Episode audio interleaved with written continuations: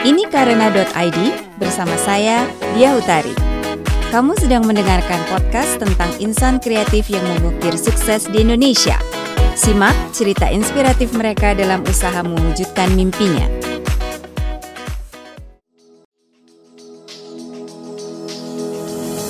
Kamu pernah mendengar tentang augmented reality kan? Nah, filter Instagram itu adalah salah satu contoh bentuk augmented reality. Terus apa bedanya ya dengan virtual reality? Hari ini kita akan ngobrol dengan Vincentia Stella Setiadi yang akan berbagi cerita tentang perjalanannya memulai Octagon Studio, sebuah perusahaan teknologi yang fokus di bidang AR, VR, bahkan mixed reality. Penasaran dengan kisahnya? Dengarkan yuk di Karena Podcast. Stella, terima kasih waktunya. Selamat datang di Karena. Terima kasih Mbak, thank you for inviting me. Sama-sama. Boleh uh, Stella kenalin dulu siapakah Vincentia Stella Setiadi? Panjang ya nama kamu? yeah, sure. Um, jadi, um, my name is Stella. I, I was born and raised in, in Bandung, Indonesia, and then I went to Kuala Lumpur to uh, take my studies uh, in interior design. And then after oh. I went back, yeah, interior design actually. so after I went back, um, I went to Shanghai uh, in 2012, uh, just like to take an voluntary work in Shanghai through mm. a student exchange and then learning a bit of Mandarin there um, terus juga bantuin voluntary work di sana uh, udah gitu after I went back then in 20 2014 uh, started doing Octagon Studio with uh, some of the colleagues and some of the partners here uh, mm. doing yeah officially and then officially um, Octagon Studio officially incorporated in 2015. Basically, mm. this this uh, startup company is sort of like a com- combined. Um, the concept is to combine um, creativity and technology, and then doing okay. Octagon Studio, running the startup until until uh, present actually. While today, at the same time, I'm working for Gojek for Gojek. Yeah. Oh, wow, oke. Kita bicara tentang Octagon Studio sedikit lagi ya. Cuman aku tertarik Boleh. dengan perjalanan kamu karena, uh, belajarnya sebenarnya interior design. Terus waktu di hmm. Shanghai, voluntarily work-nya berhubungan sama interior design atau untuk kemanusiaan? Hmm, enggak, uh, kemanusiaan sih, lebih kayak ke children gitu. Um, bantuin uh, bantu. Jadi di sana ikutan satu kalau misalnya Mbak tahu organisasi namanya ISEC jadi mereka kan uh, student exchange program dan di sana nanti ditempatkan ke um, apa ya voluntary work gitu. Di sana uh, di sana basically ngerjain um, apa ya ngajarin student gitu sih mbak di sekolah-sekolah. Hmm. Yeah, it was a pretty hmm. fun experience. Oke, berapa lama di Shanghai? Di Shanghai, I think I I was in Shanghai for almost six months, almost six oh, months. Right. Yeah. Hmm. Terus balik dari Shanghai langsung bikin Octagon Studio yang yeah. sebenarnya fokusnya ada di teknologi. Nah, betul. Bisa betul, seperti betul. itu gimana? Jadi sebenarnya, um, well, long story short, this is not like a unused this is pretty unusual story for like uh, creating a startup gitu ya mbak. Jadi waktu tuh uh, saya tuh uh, masuk sebenarnya satu engineering company satu engineering company ini punya uh, department 3D department yang fokusnya bikin 3D animation pokoknya creative work gitu And then uh, di sana ketemu sama partner-partner atau kolik yang emang juga interested uh, dengan teknologi.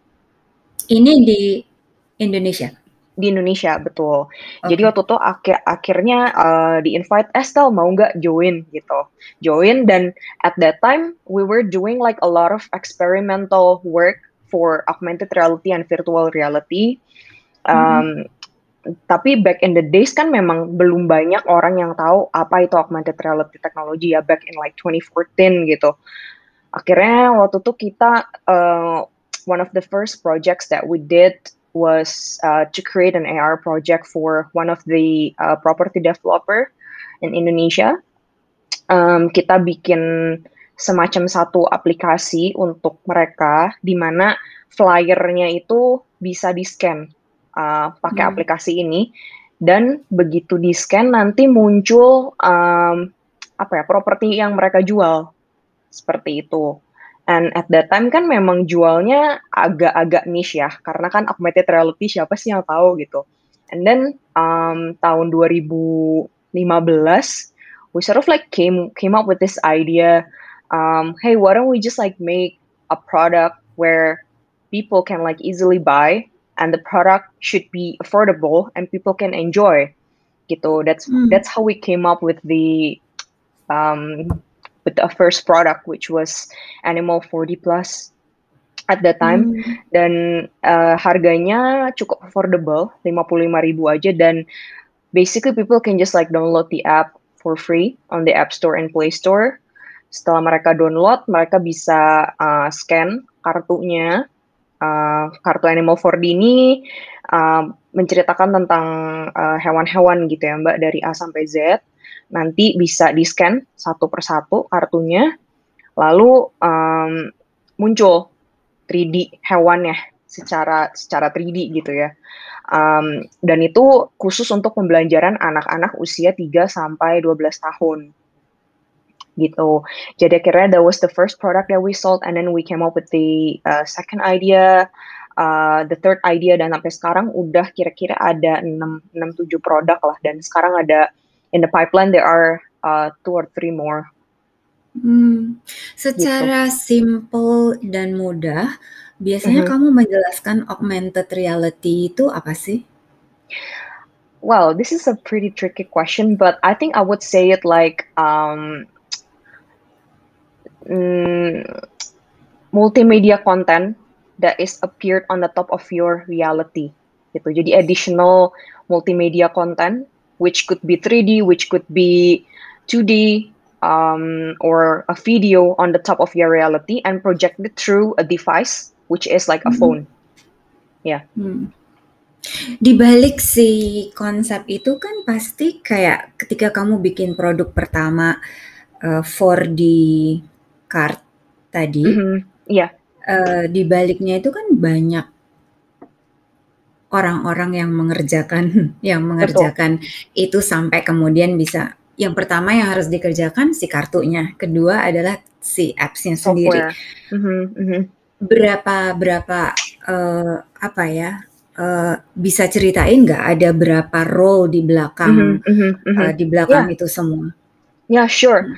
Jadi buat bikin satu um, produk itu um, it's a collective work gitu ya. Dari hmm. dari pertama Illustrator bikin bikin image-nya uh, bikin image ilustrasi dari kartunya. Lalu setelah itu juga ada 3D artist. 3D artisnya pun ada 3D um, sculpturing juga setelah 3D hmm. sculpturing hmm. ada um, animasi terus harus di set juga riggingnya dan segala macam in terms of animation and then we put it into um, like a software and then we code in um, we use Unity developer for that setelah hmm. itu ya setelah itu baru di up online, um, upload to App Store and Play Store. Setelah itu baru ada uh, kerjaan marketing dan sales gitu. Hmm. Lalu aja juga kerja oh. Mm-mm. Lalu setelah itu Go juga ahead. ada ada ada kerjaan dari graphic designer juga yang obviously buat desain packagingnya, buat desain kartunya kayak gitu. Karena kan mm-hmm. untuk create this um, augmented reality flashcards juga memang kartunya harus di testing one by one, mbak gitu. Jadi nggak bisa sembarangan image dan we have to like retest it if like the augmentation it's not stable enough that we have to like uh, redo it or like we edit it again. Hmm. Gitu. Yeah, it's a pretty Tapi, complex process.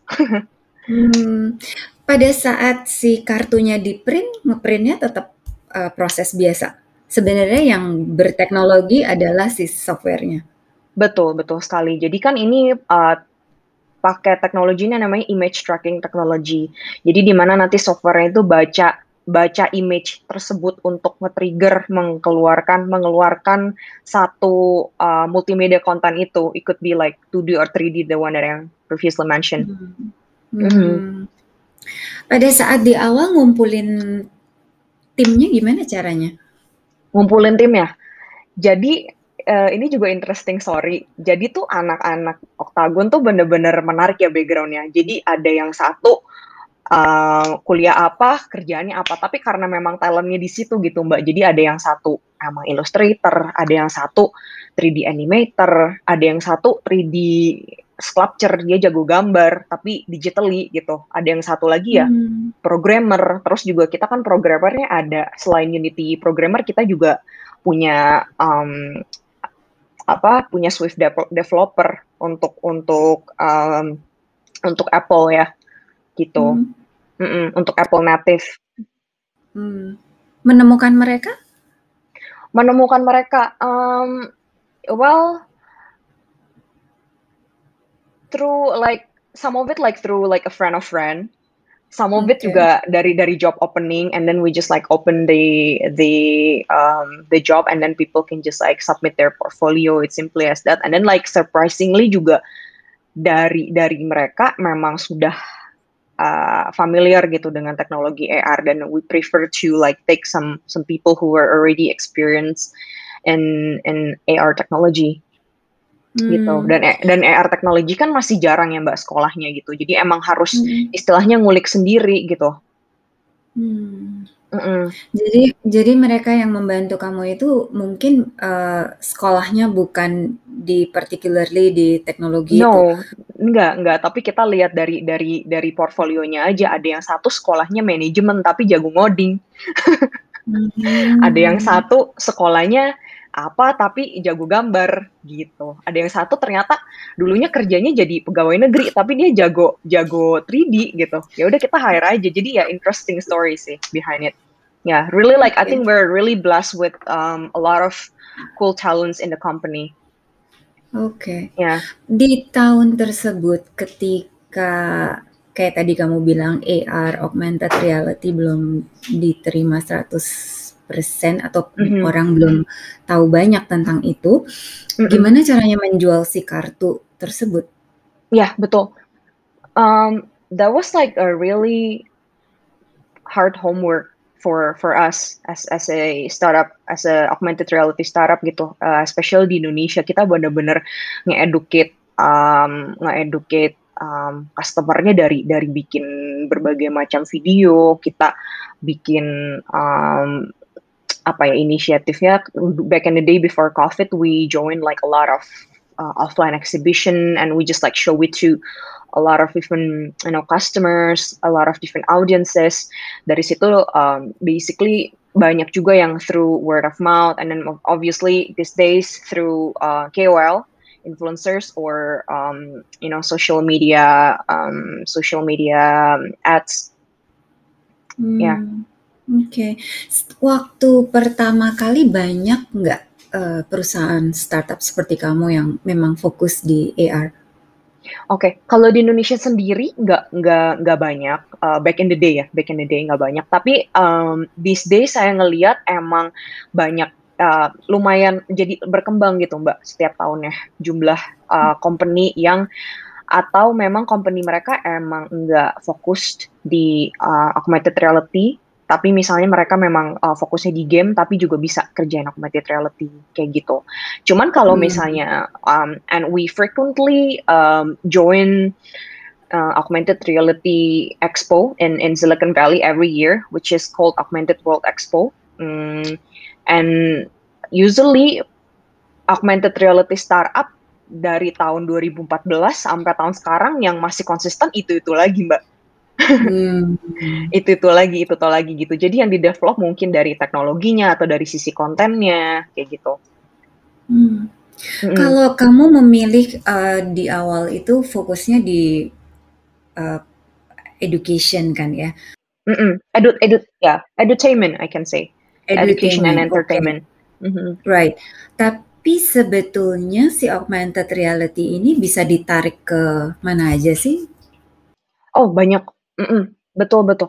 Banyak banget sih, Mbak. Itu bisa bisa dari bisa, uh, first of all dari marketing, dari yang tadi kita how we uh, use the augmented reality technology to uh, market the uh, products such as um, you know property uh, for education uh, for retail um, and then in terms of like um, convenience juga untuk membantu um, cara kerja satu sama hmm. lain. Jadi ada uh, one of the most interesting AR technology that I think definitely can be applied in daily activities is uh, misalnya nih saya technician dan ada satu um, master saya atau supervisor saya yang tahu misalnya kondisi mesin lebih tahu kondisi mesin daripada saya. Jadi kita bisa nge live streaming pakai AR dan uh, kalau misalnya ternyata nih uh, masalahnya um, ada in one particular area gitu. Itu bisa langsung dilingkarin dan saya sebagai teknisi saya bisa tahu walaupun um, supervisor saya nggak ada di sebelah saya gitu. Cuman karena saya hmm. ngasih lihat ini mesinnya kayak gini using the camera and then uh, supervisor saya bisa ngelihat oh ternyata masalahnya di bagian sini nanti bisa dilingkarin gitu Mbak di one that particular hmm. area kayak gitu. Um, ya yeah, but obviously air technology ini kan memang belum banyak common dipakai gitu kan hmm. karena uh, first of all because of the hardware some of the most of the hardwares that we use is not compatible enough for augmented reality technology for I mean the latest hmm. AR technology but obviously I think Apple is right now is um, developing their hardware itself gitu buat hmm. buat uh, compatible dengan augmented reality technology. Hmm. Kalau kamu menyebut tadi ada tujuh produk yang sudah dikeluarkan dan ada tiga empat in the pipeline, semuanya masih di edutainment? Di edutainment, yes, edutainment. Um, di, di samping itu juga kita um, ada B2B bisnisnya. Uh, hmm. We've done a couple of um, project for uh, big global companies such as Discovery Channel, and then with the the, the projects for um, for uh, Mark and Spencer, uh, for BBC in the UK, um, and then lately kita uh, juga baru beresin project buat submarine yang um, di, di di baru di launching di Mariana Trench dan kita bikin visualization of the submarine ini in augmented reality kayak gitu. Hmm. jadi nggak nggak terpaku sama edutainment juga tapi bisa di apply ke yang lain sih mbak. Gitu. Cuman hmm. kalau untuk produk kita sendiri memang fokusnya di di edutainment gitu. Si klien-klien yang kamu sebut barusan ini um, hmm. mereka menemukan Octagon dari mana? Dari uh, because we we frequently join uh, ini mbak. Um, apa? Exhibition sometimes we, we join the exhibition in London, sometimes we join the exhibition in in the Europe or in the US gitu. Jadi kita memang waktu itu pertama kali ikutan sih kita agak jiper ya Mbak ya. We're just like a bunch of kids from Bandung and we went to Silicon Valley back in 2014 and like we're just like oh my god we're like going to Silicon Valley. Are, are we sure that we're gonna do this? But we just like well we we did it anyway and uh, surprisingly they were really really appreciative towards our products and then they really like our contents because most of the people in silicon valley they're very focused in um, you know developing their technology right but mm-hmm. besides mm-hmm. octagon studio too um, kita we're more like you know creating the 3d or like the contents for the ar itself and they're really really appreciating that gitu dan sejak satu mm-hmm. oh oke okay, ternyata uh, we have this capabilities gitu. Akhirnya kita coba dari situ banyak juga orang-orang yang interested to to become our distributor, to be our licensor, and that's how we we grow the business internationally. Ya. Yeah. Hmm, pada saat kamu bilang uh, menjadi konten dari apa tadi kamu ngomongnya? Um, konten dari AR. Mm -mm. Itu maksudnya apa? Jadi kalau misalnya um, companies dari Silicon Valley ini they're more like creating the AR technology itself, working on the technology itself rather than like a content gitu. hmm. gitu. Nah, kalau kita kan gabungan teknologi dan 3D artist gitu, gabungan dari art dan teknologi. Um, and our specialties because back in the days uh, before um, Octagon Studio incorporated back in 2015 we were doing like a lot of 3D animation, you know, stuff like that. And um, yeah that's that's that's our specialization gitu setelah itu uh, setelah kita tahu that we have the capabilities to create a 3D um, that is uh, light but also as realistic as possible and it's compatible mm. for hmm. mobile phones then we know that oh hey that's our power gitu and that's how uh, that's how we can sell our products Hmm, oke, okay. menarik. So your award winning ini uh, bisa ceritain sedikit nggak? Octagon mm -hmm. Studio is an award winning company.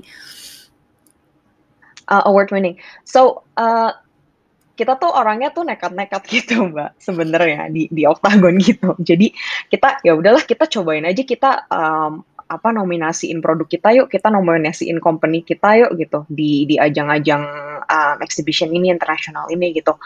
Ya udah kita kita bikin um, apa submissionnya. Eh ternyata um, menang gitu. Waktu itu tahun um, we won this the best um, waktu itu kita menang um, rising startup AR rising startup. It was in London for wearable technology show and we were just like mm-hmm. so happy about it like oh my god we won guys in london like it was pretty cool yeah yeah and we were just like really blessed with again we were just like really really blessed with the talents that we have in the company see then they're they're really passionate about their jobs as well uh, in 3 mm. um, for example like doing 3d animation it's because they're doing it it's because they're happy doing it you know hmm. mm-hmm. tim kamu yang awal sampai sekarang masih ada Um, well, some people um, went. Uh, some some of the co-founders also founded another um, another startup in in augmented reality. Jadi, hmm. um, um, tapi we Octagon Studio still have some share in that company, and then um, dia udah diinvest juga dengan uh, Singaporean VC gitu, and it's called it's called uh, Assembler. Um, the the the, uh, the product it's called Assembler um, the difference between octagon and assembler um, i can say assembler you can you can basically create your own uh, content within the um, assembler platform itu. Mm-hmm. Kalau Octagon sendiri lebih kayak menjual produk fisikalnya yang yang uh, untuk dijual ke uh, anak-anak gitu ya, Mbak. Hmm. Berarti sampai sekarang kamu masih konsisten sama si edutainment ini? Yeah, yeah, that's that's what we are trying to do to be consistent about okay. our product but also uh, at the same time we're developing other interesting stuff in the company yeah okay. tapi menggunakan teknologi uh, AR untuk edukasi di Indonesia gimana? Nah, pasarnya um, seperti apa? Um, to be honest with you, sampai sekarang produk Uh, kita karena memang produk kita simple juga ya Mbak, kayak very tangible. It's only like a pack of flashcard and you can just like buy it through uh, marketplace like Tokopedia, Shopee, and all other marketplaces. And it's it's it's pretty straightforward sih Mbak. Jadi uh, bisa dibeli, nanti bisa uh, di scan uh, aplikasinya tinggal sorry tinggal di download secara gratis melalui App Store atau Play Store, lalu langsung scan kayak gitu. Jadi uh, tractionnya bagus. Penjualannya Traction, bagus? Ya, penjualannya so far dari Indonesia paling laku sih. Oh, ya. oke, okay, oke. Okay. Ya. Mm-hmm. Perkembangan teknologinya sendiri seperti apa ya di masa depan uh, Stella? Jadi Octagon itu kan sudah 5-6 tahun uh, mm-hmm. dari sisi teknologi apakah terus berkembang dan akan mm-hmm. Berubah uh, berevolusi in the next five years? Uh, Octagon gimana? Ya, obviously sih, karena AR teknologi sendiri kan sebenarnya, well, technology itself is very dynamic, right? Like, you can always find new technology every hmm. day.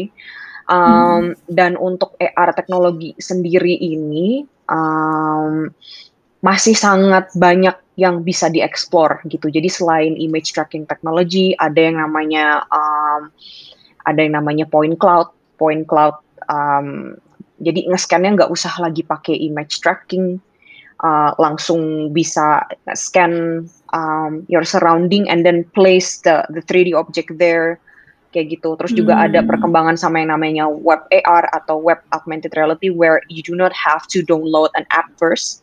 You just have hmm. to like hmm. um, kayak scan the QR code and then it directs you to a website nanti dari websitenya open the camera um, langsung bisa scan konten gitu tanpa harus download aplikasi dan hmm. masih banyak lagi masih banyak lagi yang yang yang saya nggak sebutin kayak AR Foundation um, you know the AR kit the AR kit that's just that's also been developed by by Apple is also amazing um, yeah a lot of different um, SDK hmm. and a hmm. lot of different augmented reality technology that we still can explore sih cara kamu untuk belajar terus tentang this new technology yang up and coming hmm. gimana caranya?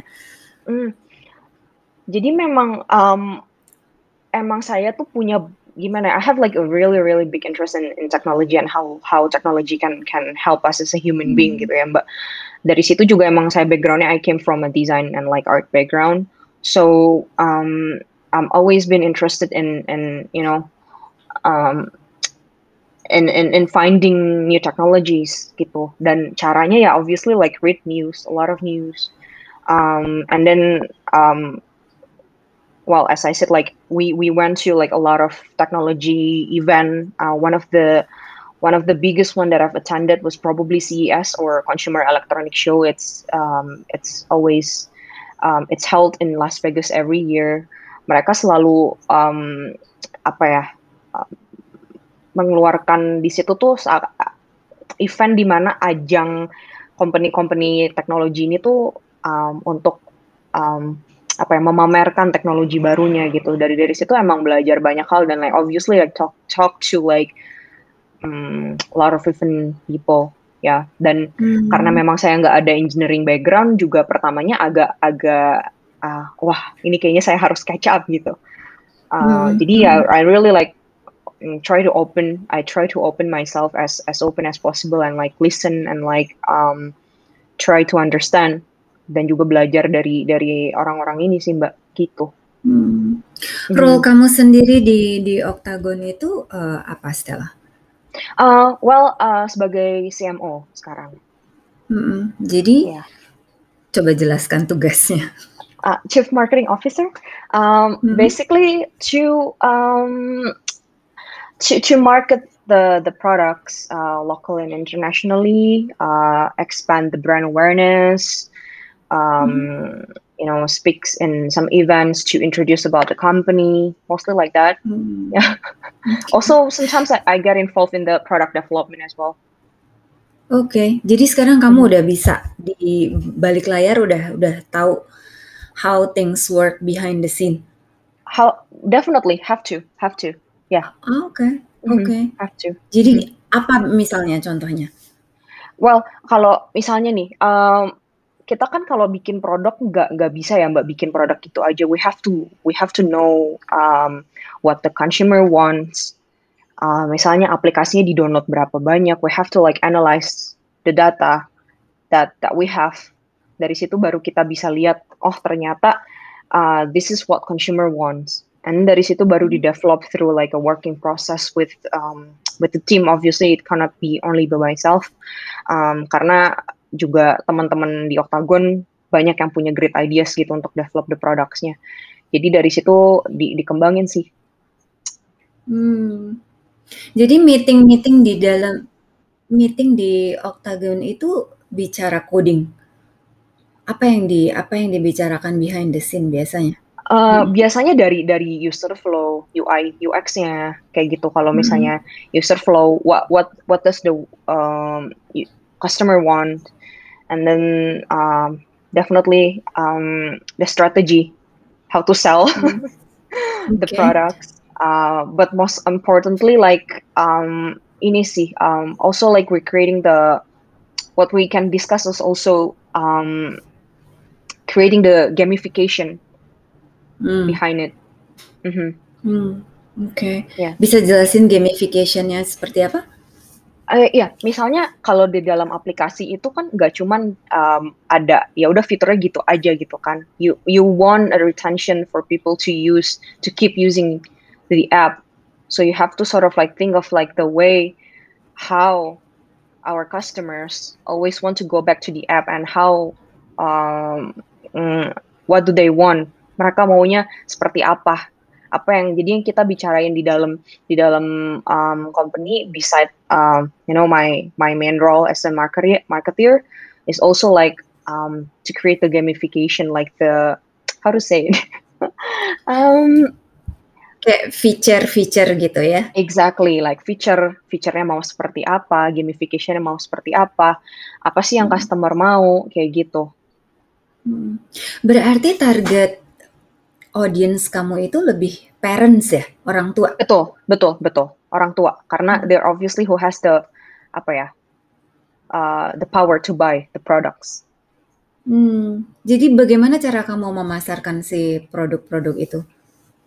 Um, through a lot of different ways, offline and online. Definitely, um, online. Definitely uh, setting up like um, you know online applic- uh, online ads through social media, and then influencers, um, KOL.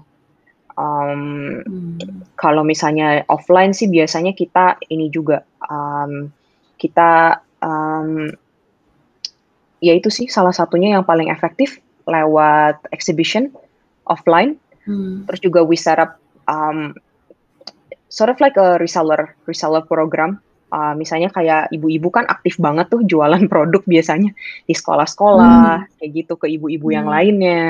Jadi akhirnya kita punya uh, reseller program di mana um, ini ibu-ibunya uh, bisa jualin produknya gitu ke ke customer yang lain kayak gitu.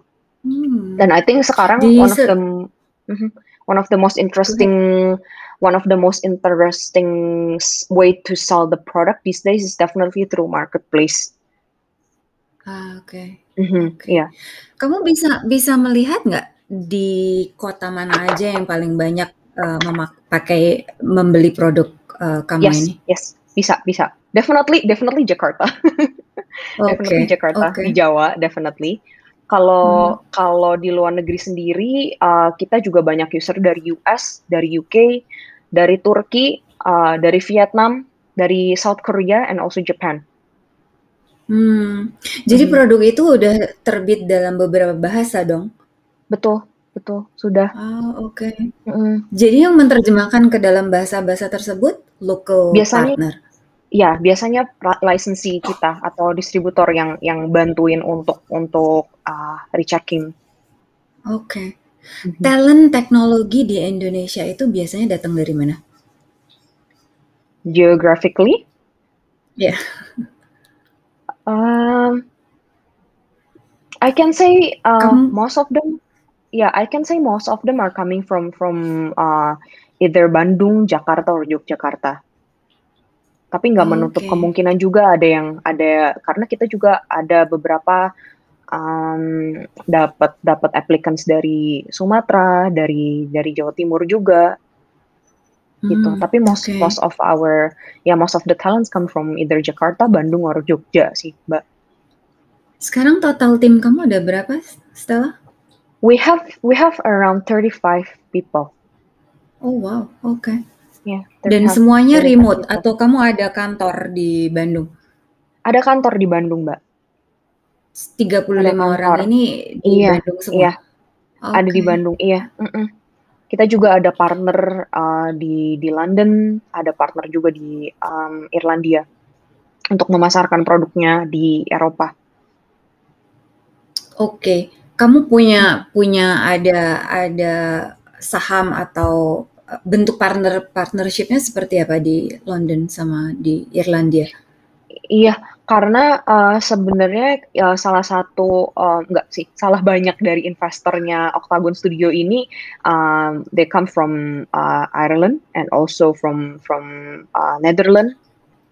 Um, okay. Terus ya jadi kita uh, karena uh, dari dari salah satu partner ke partner kita yang eh ternyata interest in the company kayak gitu. Jadi um, yeah, we'll become partners from there.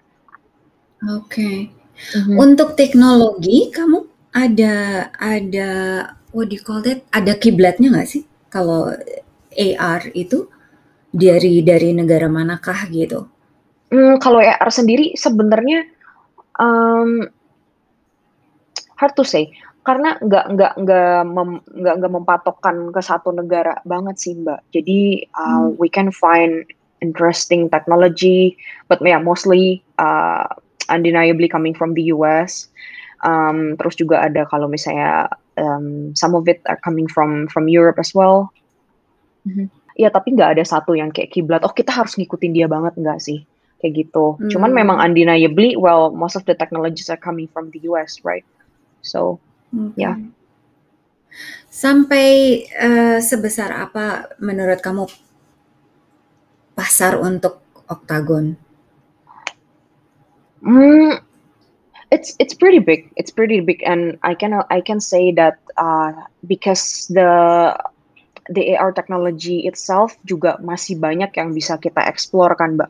Gak cuma hanya di edutainment gitu, tapi bisa di sektor-sektor yang lain. Uh, makanya di Octagon sendiri kita punya B2B selain B2B, uh, B2C juga dan uh, kita juga memang uh, memasarkan produknya through licensing as well gitu. Cara kamu mempercepat business uh, expansionnya seperti apa Stella? I think one of the most effective ways buat Octagon untuk untuk memasarkan produknya definitely through licensing, the one that we have always been hmm. um, using. Uh, jadi jadi basically orang atau calon partner kita bisa hmm. membeli uh, serial number dari produk tersebut hmm, kita we can send out the soft copy of the products and then they can um, print the products themselves in their country. Jadi kita nggak usah kirim produk kita bulky-bulky berat-berat ke negaranya karena juga dengan import tax mahal ya mbak, logistic mm -hmm. hassle. Jadi akhirnya kita cuman hmm. bisa kita bisa kirim, we come up with the solution, we we can send the soft copy of the products, um, we send the codes, um, partner kita yang tinggal ngeprint di sana gitu. Hmm. And they can like um, after the, the print, obviously kita harus um, kita harus quality control dulu, kita cek produknya apa ini sesuai dengan brand guidelines segala macam. Biasanya mereka juga ada localization of the products uh, through through the languages kayak gitu. Um, setelah itu mereka um, sebarin atau distribusin atau reselling produk ini di negara mereka. Hmm. Bentuk bisnis kamu ini atau bentuk hmm, teknologi yang kamu kerjakan ini bisa gampang dijiplak nggak? Um, um, depends, depends. But I think nowadays, um, nowadays creating augmented reality uh, is easier, definitely back in the days. But creating the quality one, it's it's what what's hard. Yeah. Hmm. Mungkin juga dari segi ide uh, bentuk I mean secara teknologi memang it's there, tapi mm-hmm. teknologi ini mau dibawa ke mana, mau dijadiin apa, barang komersialnya, bentukannya apa, itu mungkin betul, yang betul. kemudian kalau mau mengkomersialisasi harus arahnya ke sana. Without the idea mm-hmm. ya susah juga ya. Mm-hmm. Oke. Okay. Betul, Mbak. Jadi ya si uh, creating creating the product or like the services that you want to offer-nya itu apa gitu. Benar. What okay. yeah, that's, what I think is fundamental sih. Hmm. Kamu menurut kamu uh, kebutuhan talent untuk uh, industri teknologi itu susah atau gampang di Indonesia? Oh enggak, definitely enggak. Sekarang banyak banget yang yang uh, talented and very very aware in uh, you know startup technology. Ya. Yeah. Ya, apalagi sekarang you can just like invest your money in the palm of your hands. You can you can like call transportation within an app. It's it's really easy. It's really easy these days. Um, I don't think it's um, uh, it's it's something that is very very difficult to find in Indo. Malah I think Indonesia has like um, definitely one of the best talents. I can say that's that's one of the reasons why like the biggest unicorn startup in Southeast Asia is is located in Indonesia, such as like uh, hmm. undeniably like Gojek, Tokopedia, you know. Hmm. Tapi kemungkinan uh, apa namanya kesempatan kan kita lagi ngobrol sama anak-anak umur 19-24 tahun nih yang dengerin karena hmm. ya. Jadi yeah. mungkin sebagian dari mereka sekarang masih belajar. Tapi kalau mereka mau menjejakkan kaki di teknologi, apakah kesempatannya masih terbuka luas? Sangat, Mbak, definitely. Definitely. Hmm. Ya, karena apalagi in the future teknologi bakalan lebih dipakai. dan Hmm. teknologi akan berkembang terus, bakal di dinamis terus, nggak akan gini-gini aja, gitu. Hmm. Mhm. I remember Specifically like ada I remember like when I was when I was a kid, I was like watching um this this cartoon. Um, I forgot the name, but like um in the cartoon itself, it was like very 90s. I still remember kita bisa ngomong sama TV. At that time, like I thought, oh my god, this was impossible, impossible ngomong sama TV. But like look at look at today, like you can easily call someone from your phone, you know, like just like FaceTime them or like WhatsApp them or like uh, before it all happened Skype you know sekarang kayak Mhm. even even what we're doing right now it's it's really Yeah. you know yeah right kayak kayak dulu nggak mungkin bisa telepon lewat True, TV ini bullshit yeah so I think definitely you definitely you have to be visionary you have to believe in in in what you're doing yeah Hmm. Kalau ada satu dua role atau pekerjaan yang kamu lihat uh, demand-nya akan sangat besar atau kesempatannya sangat luas itu kira-kira apa? Technology wise. Technology wise um I think data science data science Hmm. Hmm. um, and then data analytics. I think it's one of the most important roles in in the company. Um, developer definitely, Hmm. Oke. developer definitely, and then machine learning and AI is very interesting as well. Hmm. Dan sebenarnya kayak cerita kamu di awal bahwa background teman-teman di Octagon awalnya juga bukan di teknologi, it is something yang kalau misalnya sekarang ada seorang anak muda yang sedang belajar uh, bisnis atau itu pindahnya itu juga mungkin ya. Sangat Pindah mbak. haluan untuk kemudian oke. Oke. Iya, sangat memungkinkan sih menurut saya karena um, well as I said like you cannot really limit yourself to learn something, right? Even though when you're Hmm. like, you know, even though when you're like already 25, when you're already 30, 35, 40, you can always learn something new. Hmm, hmm, oke. Satu hal yang big projectnya Octagon kira-kira apa yang belum yang Belum ingin tercapai. dicapai? Hmm. Um, banyak sekali, Mbak. Satu aja. yeah. we we really want to make augmented reality technology as as as um, applicable as possible in daily lives, and that's like our big homework as the AR company. Hmm. Definitely, that's number one uh, because um, I think augmented reality technology nowadays mostly are only gimmick. I can say you have to find the Hmm. best case to use AR. Um, and the, Hmm. the, the biggest homework is definitely how to apply this technology in your daily lives and how to um, you know make make our life easier with the technology. Hmm. Yeah, Ada that's satu that's ide di like kepala nggak kira-kira itu? kalau ada kalau misalnya udah dikasih tahu sekarang nggak seru dong mbak Rahasia ya? rahasia yeah I think Ada hubungannya sama kesehatan? Oh yeah, we're we are uh, interested and sekarang juga kita masih sangat mencoba um, untuk uh, we we did we have done like a couple of augmented reality um, experimental di bagian kesehatan Hmm. in health industry. Um, and to be to be frank and to be very honest with you, it's not an easy task gitu ya. Uh, dan kita udah kita ada mencoba bikin salah satu um, it's not very related to AR tapi ini kayak um, very very interesting teknologinya. Um, jadi waktu itu kita sempat kerja sama um, sama um, semacam organization or like NGO in the UK gitu. Um, jadi ada salah satu profesor, um, um, beliau ada uh, satu kena penyakit, jadi dia nggak bisa bicara lama-lama gitu mbak. Jadi one of the ways Hmm. is definitely like to to help this professor or like this one particular person to talk with with the other human being. Gimana caranya? Jadi waktu itu kita ngedevelop satu teknologi di mana menggunakan eye sensor, dia bisa nge-type keyboard dan dari keyboardnya itu nanti ngetik kata-kata Mhm. yang dia mau ucapkan, nanti outputnya itu um, bahasa gitu. Jadi, hello, Hmm. I want to eat, for example. Hmm. Kayak gitu. Jadi dari dari karena dia udah nggak bisa gerakin badannya, Mbak, nggak bisa gerakin badannya sama sekali. Uh, Hmm. Dia bisa gerakin keyboard menggunakan uh, gerakan mata.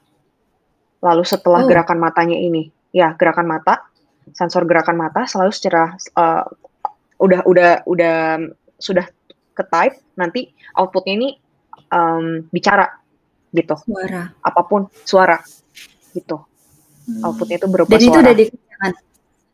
itu sudah dikerjakan dan kita sudah uh, at that time we were collaborating with other technology companies in the UK in the UK ya Mhm. jadi memang nggak nggak Go ahead.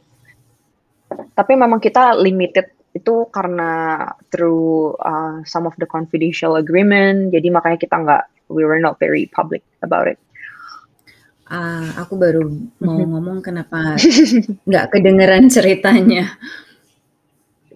ya kita Oke. banyak dapetin interesting interesting project uh, itu sih mbak jadi kan uh, and then also like I think um, one of the most interesting story that I can share here with with our augmented reality products is waktu itu kita ikutan exhibition di London nama exhibition ini Mhm. educational exhibition bukan teknologi ini namanya BETT jadi ini memang exhibitionnya khusus untuk uh, untuk education gitu Um, Hmm. waktu itu kita ketemu satu guru guru out of nowhere and he just came to our booth and then they said hey you know what like I've been using your products uh, Hmm.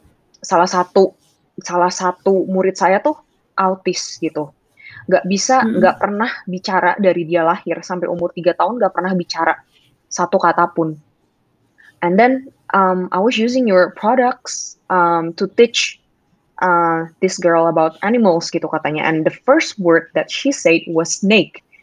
Because because of the because of the cards because kalau misalnya kartunya di di di scan uh, keluar suara gitu mbak ada scan eh sorry Hmm. ada snake gitu atau enggak uh, dog kayak gitu and that was like one of the apa ya an inspiring story for for us as a company kayak wah ternyata gila produk kita ngebantu loh ngebantu anak-anak ini gitu and it's really really Hmm. heartwarming to to to hear this kind of story gitu Okay, that's very very interesting. Hmm. Like how uh, teknologi itu memang bisa dipakai di, di beberapa di macam-macam uh, sektor Mhm. intinya. Ya. Kamu Iya, ada betul. ketertarikan untuk um, membuka oktagon uh, untuk anak-anak yang tertarik dengan teknologi tapi tidak punya background teknologi? Hmm, kita selalu open untuk internship program Oke. untuk internship program cuman ya karena these days because of the pandemic hits jadi kita agak nge-freeze dan kita benar-benar uh, jaga untuk uh, nggak terlalu banyak activity di kantor gitu ya mbak cuman we're very open if you guys uh, are interested in working for us definitely you can just like send a CV or and your portfolio to us sih and very we're very open for for discussion as well Mhm. Hmm, that's good. And then uh, ada tips untuk mereka yang tertarik uh, masuk ke industri ini, Stella? teknologi Hmm. um I'm not sure if I'm like the wisest person to give advice, to be honest. Kamu udah punya pengalaman bertahun-tahun. but I think I think um I think um what I can what I can say to um most of the youngsters these days don't, don't be afraid to explore stuff. You know, Mhm. the world is your oyster, definitely. Hmm.